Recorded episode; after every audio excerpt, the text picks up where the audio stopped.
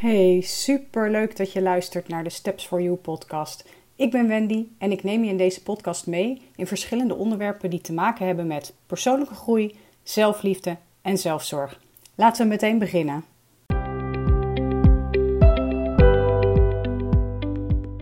Hallo, hallo. Super leuk dat je weer luistert naar een nieuwe aflevering van de Steps for You podcast. Zoals je in de titel kan zien, is het alweer de derde aflevering. En in deze aflevering ga ik het met je hebben over ruimte creëren voor moeilijke emoties. Nou, welke emoties bedoel ik daar nou precies mee? Dan gaat het over emoties als verdriet, boosheid en teleurstelling. Deze emoties worden heel vaak uh, negatieve emoties genoemd. En ik begrijp heel goed waar het vandaan komt als je het afzet tegen uh, de positieve kanten van vreugde, blijdschap, dankbaarheid, noem maar op. Dan uh, zijn boosheid, verdriet en teleurstelling inderdaad negatievere emoties. Toch zou ik het liever geen negatieve emoties noemen, maar moeilijke emoties of minder leuke emoties. Um, want ik kan me heel goed voorstellen dat je dat zo voelt. Zelf heb ik dat natuurlijk ook, dus ik vind dat helemaal niet vreemd. Um, maar negatief zou ik ze niet per se willen noemen. En waarom zou ik ze geen negatieve emoties willen noemen?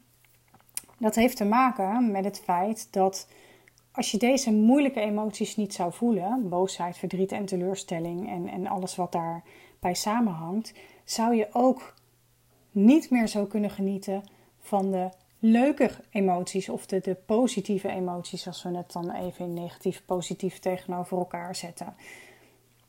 Als jij of als wij als mensen geen negatieve emoties of geen moeilijke emoties ervaren, kunnen we ook niet meer zo blij zijn of zo dankbaar of nou ja, noem maar op. Het een heeft het ander nodig om, uh, om ze goed te kunnen ervaren. Je kunt je misschien wel voorstellen dat het uh, anders heel erg vlak wordt als je, ja, als je niet meer na een, een minder leuke periode een leuke periode meemaakt. Nou, hoe ga je nou om met deze minder fijne emoties? Want uh, het, het, het zijn vaak geen, uh, geen fijne dingen en heel veel mensen uh, willen er het liefst van wegblijven. Maar wat doe je dan? In de praktijk gebeuren er heel vaak twee dingen. Uh, of je loopt ervoor weg. Je wilt het niet voelen, je wilt niet dat het er is. Je zou dat de makkelijke weg kunnen noemen. Ben ik het niet helemaal mee eens, maar laten we dat voor het gemak maar even doen. En uh, de andere kant daarvan is het doorvoelen van emoties of het er laten zijn. Heel vaak wordt dat de moeilijke weg genoemd. Um, als we deze twee nou even, even gaan bespreken, dan ga ik het eerst even hebben over uh, het ervoor weglopen, het niet willen voelen. Heel vaak wordt dat een makkelijke weg genoemd, maar is dat nou daadwerkelijk wel zo? Want op het moment dat jij wegloopt voor je emoties, uh, of voor je gevoel, het is maar welke, welke term je het wil geven, dan uh, is het heel vaak zo, misschien heb je dat zelf ook wel ervaren, of misschien heb je daar nooit zo bewust bij stilgestaan, maar dat die gevoelens blijven hangen. Neem een gevoel als verdriet. Op het moment dat je heel verdrietig bent en daar niks mee doet, alleen maar uit de weg gaat, dan blijft dat verdrietige gevoel heel vaak een paar dagen hangen. Bij mij in ieder geval wel. En ik, uh, ik weet eigenlijk wel zeker dat dat bij meer mensen zo is. Het blijft een beetje sluimeren op de achtergrond. Resultaat, je blijft langer last hebben van deze gevoelens. Dus je moet er of langer voor weglopen, of je moet er uiteindelijk alsnog doorheen. Daarnaast, en dat vind ik misschien nog veel belangrijker, geef je aan jezelf het signaal dat, dat je die gevoelens niet mag hebben. Dus eigenlijk straf je jezelf door dat signaal aan jezelf af te geven. En waarom zou je je straffen voor iets dat iedereen meemaakt en voor iets dat heel erg hoort bij het leven? Ook al is het iets niet leuks. Ik zal de, de eerste zijn die zeggen dat het hebben van emoties als verdriet en teleurstelling en boosheid, dat dat leuk is. Nee, dat is helemaal niet leuk. Maar het hoort er wel bij. En de vraag is, hoe ga je er dan mee om? Nou, zoals gezegd, je kunt er dus voor weglopen. Je kunt het niet willen voelen. Um, als je kijkt naar dat emoties of dat gevoel blijft hangen en, en dat je er langer last van houdt, vraag ik me af of dat een makkelijke weg is. Zeker als het ook nog een soort van jezelf straffen is. De andere kant is dat je het gaat doorvoelen of dat je het er laat zijn. En dat klinkt zwaar en ik ga ook niet zeggen dat het niet zo is. Soms is het zeker zwaar. Uh, maar door het te doorvoelen, zorgt het voor verwerken van die gevoelens. Plus, en dan kom ik weer op het voor mij belangrijkste aspect. Je bent lief voor jezelf. Je staat je toe je te voelen zoals je je voelt. En zoals gezegd, die minder leuke en die leuke emoties, het hoort bij elkaar. Het houdt elkaar, nou ja, soort van in balans. Want zonder die, die minder leuke emoties zijn ook die leuke emoties er niet. Lief zijn voor jezelf daarin en jezelf toestaan die emoties te voelen, helpt vaak al heel erg in het verwerkingsproces. Ik ga een voorbeeld met je delen. Twee weken geleden kreeg ik te maken met uh, grote teleurstelling en een diep verdriet. Twee best wel heftige emoties. Allebei in één week. Nou, dat hakte er behoorlijk in, kan ik je vertellen. Maar wat deed ik in eerste instantie? Ik bleef doorgaan. Ik bleef werken. Zoals jullie misschien weten, misschien ook niet, heb ik uh, op het moment dat ik deze podcast opneem, naast Steps for You ook nog een loondienstbaan waarin ik uh, drie dagen per week werk. Zolang ik mijn, uh, mijn bedrijf aan het opzetten ben. En ik merkte aan alles dat ik niet lekker in mijn vel zat. En in eerste instantie dacht ik nog van ja, ik weet eigenlijk niet waarom. Uiteindelijk dacht ik, ja, natuurlijk weet ik wel waarom die teleurstelling en dat verdriet. Um, ik had een overlijden uh, in, in mijn uh, omgeving en dat is nogal plotseling gegaan en dat hakte er bij mij behoorlijk in.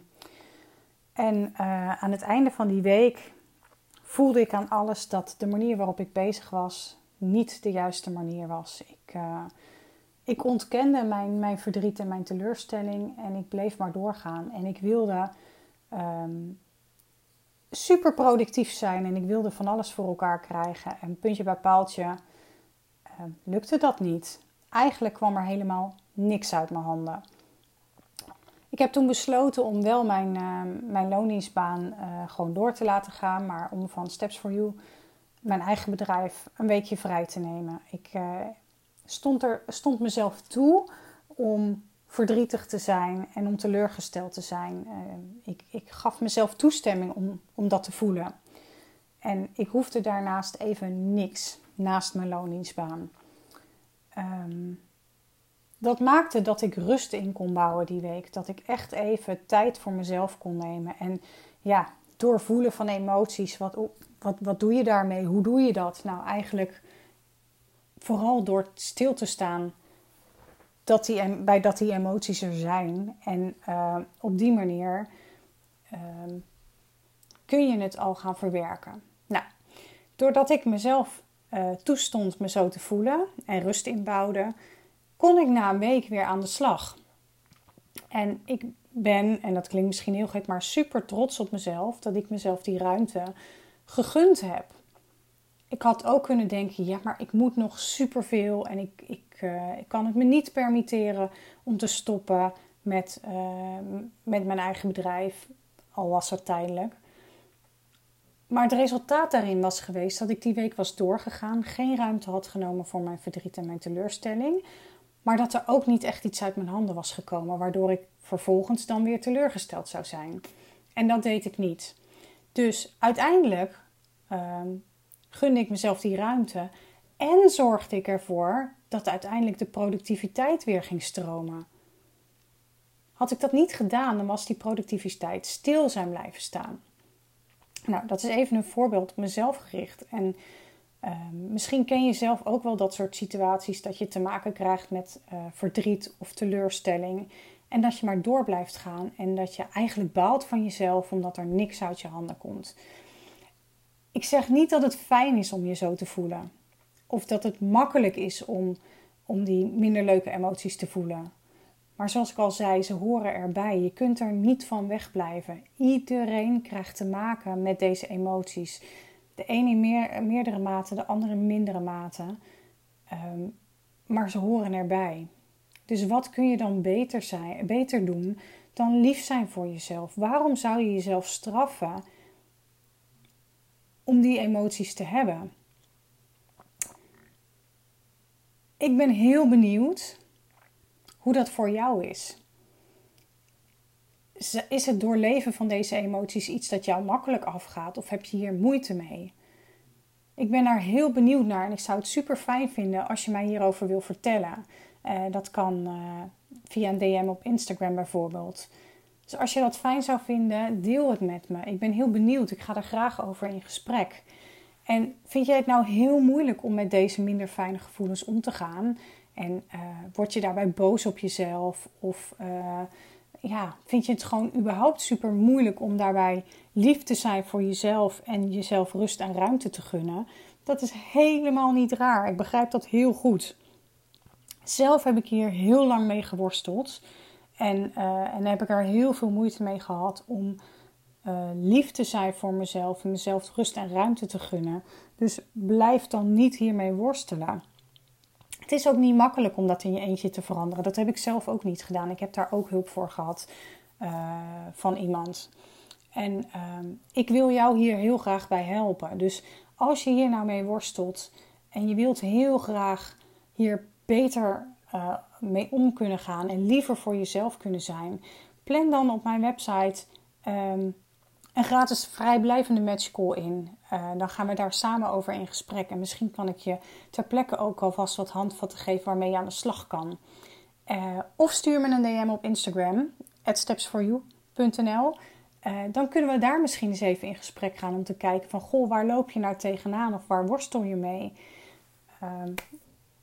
Ik wil je daar heel graag bij helpen, omdat ik heb geleerd ehm, en weet hoe helpend het is als je jezelf kan toestaan om die minder leuke emoties te laten zijn. En dat wil niet zeggen, helemaal niet, die, die kanttekening wil ik nog even maken, dat je erin moet blijven hangen. Want zo werkt het uiteindelijk niet. Als je erin blijft hangen, dan gaat het weer de andere kant op en uiteindelijk helpt het je dan niet. Het gaat erom die emoties er te laten zijn, ze te voelen en uiteindelijk na die emoties weer verder te kunnen gaan. Dus wil je hierover in gesprek met me? Stuur me een DM of plan een gratis matchcall met me in. En dan ga kijken hoe ik jou verder kan helpen. Ik weet namelijk zeker dat ik je hier verder mee kan helpen.